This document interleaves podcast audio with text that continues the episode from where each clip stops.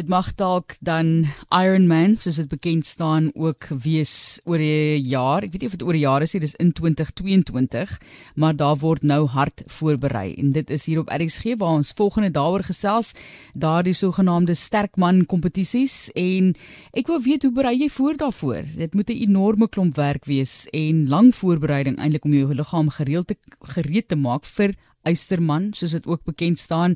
Ons gesels met Wikus de Swart en Wikus wat vir ons bietjie meer ervaring ook gee. Ons gaan Grootbrak rivier toe. Dit is daar in Mosselbaai se area. Welkom. Hoe lyk dinge by julle vandag? Haai, dankie. Hallo Martelies en hallo luisteraars. Nee, dit is 'n uh, um dis eintlik vandag uh, dis snaaks genoeg vandag 'n absolute ideale dag vir vir 'n Eysterman kompetisie. Is nou jammer is eers oor 'n jaar, maar kom ons hoop die die weer speel net so mooi saam oor presies 'n jaar van nou af. Jy het al twee voltooi. Hoekom nog een en is jy elke keer van voor af 'n bietjie bang oor die saak?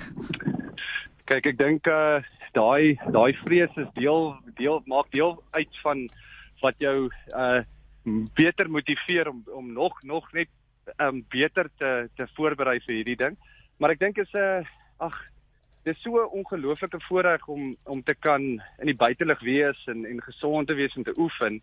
So ek dink dis dis eintlik gewoonlik genoeg motivering, maar dit is um drie dissiplines. Dis 'n uh, dis 'n interessante dag gewoonlik. Dit kan dit kan um baie vinnig suit gaan as jy nie goed, genoeg voorberei um is vir daardie dag nie. Um maar ja, dis 'n uh, vir ons is dit net hier in die groter Mosselbaai area. Um Mosselbaai en al die omliggende dorpe is dit so groot voorreg om ja, te nou al te eintlik nou al te kan begin voorberei vir vir die Eysterman uh, in 2022. Voordat ons kom by jou voorbereiding, gee net vir ons 'n idee van eerstens waar gaan dit plaasvind en watter dele en dan ook die afdelings as mense nou nou nog nie weet wat die afdelings is vir Eysterman nie. Ja, so kom ons kyk, dis Eysterman is drie dissiplines. So hulle noem dit die Ironman 70.3. Um en jy begin met 'n 1.9 um uh 1.9 km swem in die see en daarna klim jy vir 90 km op jou fiets en dan sluit jy dit af met 'n rustige 21.1.5 maraton um ja op die pad. So dit is in die in die Mosselbaai gebied. So die swem is in um Santostrand is daar 'n 'n roetjie in die in die in die see uitgelê vir ons en ons spring dan van daar af op ons fietsse en ons ry al die pad na Hibbertsdale se kant toe. Daar um uh, ja, dan draai jy net so voor Hubbestraal draai jy om en jy uh, ry terug met die fiets en dan klim jy op die pad in die hardloop.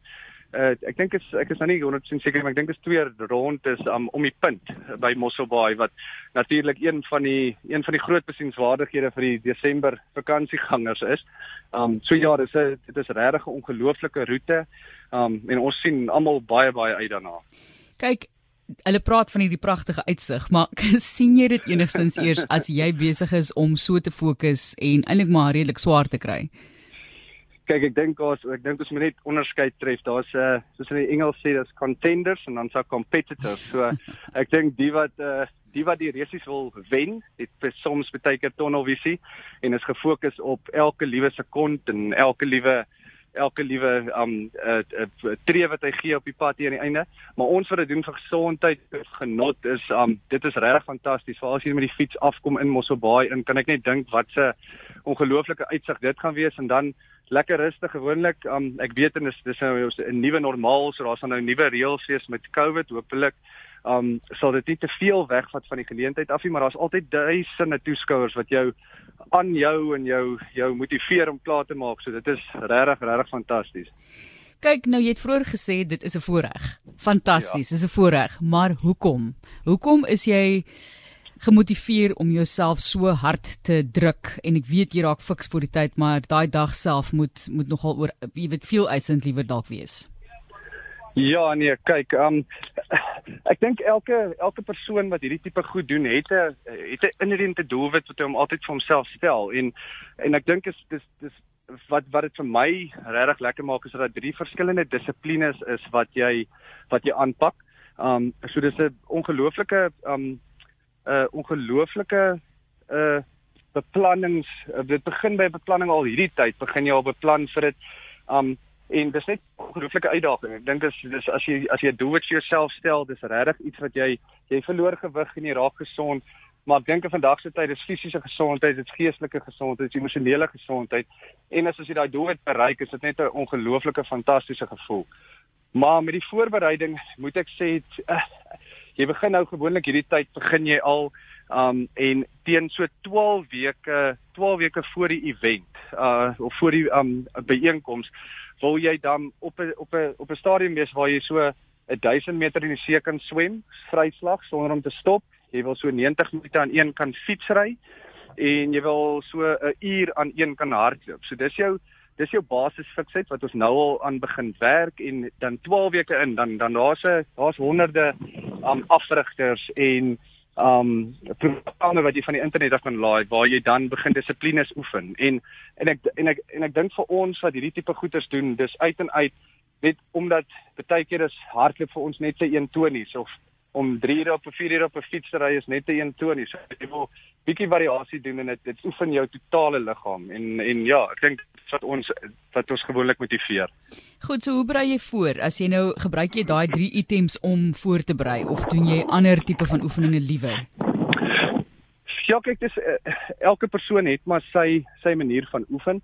Ek persoonlik hou daarvan om 'n basis, soos ek nou gesê het, basis net um te te te te handhaaf uh, voor ek regtig begin inspring in in die drie verskillende dissiplines. Die die grootste ding is dit vat soveel tyd van jou um swem, fietsry en hardloop dat jy dat jy nou en dan doen jy krag tussenin, miskien in die gimnasium of pilates vir jou vir jou kern en en en sulke goed wat definitief help op die dag.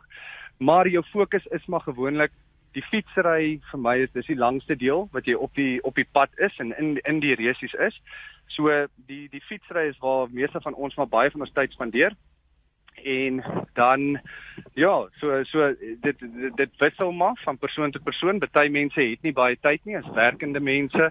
So jy het dit jy het gewoonlik 'n 12 weke program waar jy uh sê net maar een dissipline 'n dag oefen. So jy wissel dit af van swem na hardloop na fietsry, wissel jy af en dan as jy tydryke program volg, dan het jy gewoonlik tyd vir twee dissiplines. So jy sal in die oggend 'n kilo swem in die swembad um en jy sal in die aand miskien 'n halfuur tot 'n uur op die pad spandeer. Ja.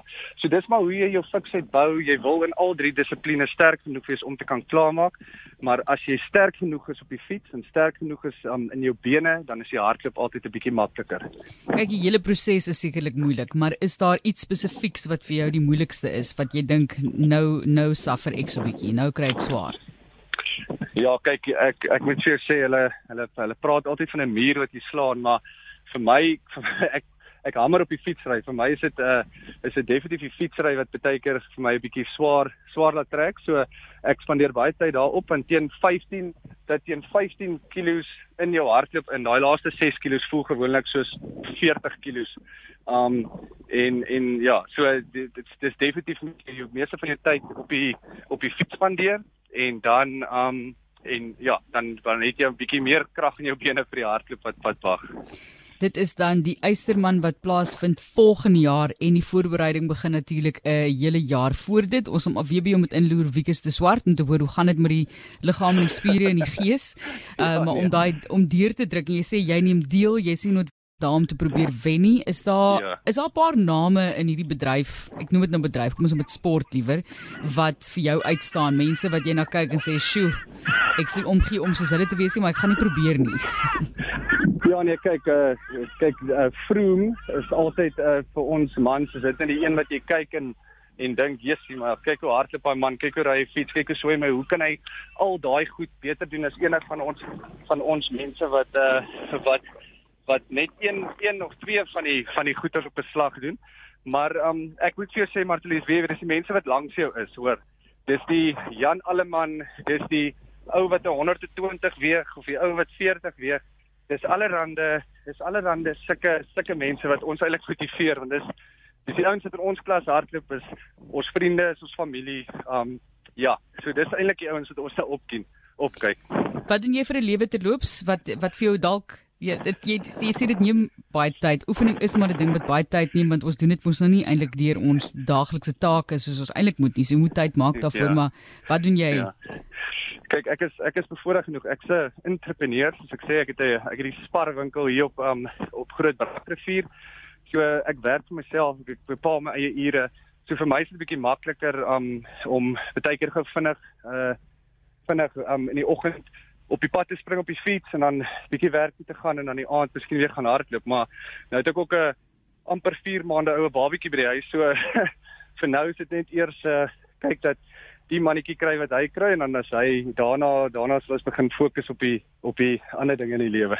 Sterkte baie geluk met die baba en weer Ja, eens sterkte met die slaap wat jy ook nodig het Wikus. Ons uh, gaan weer inloer om te hoor of jy gereed is vir volgende jaar. Dankie Martelies, lekker dag en mooi bly.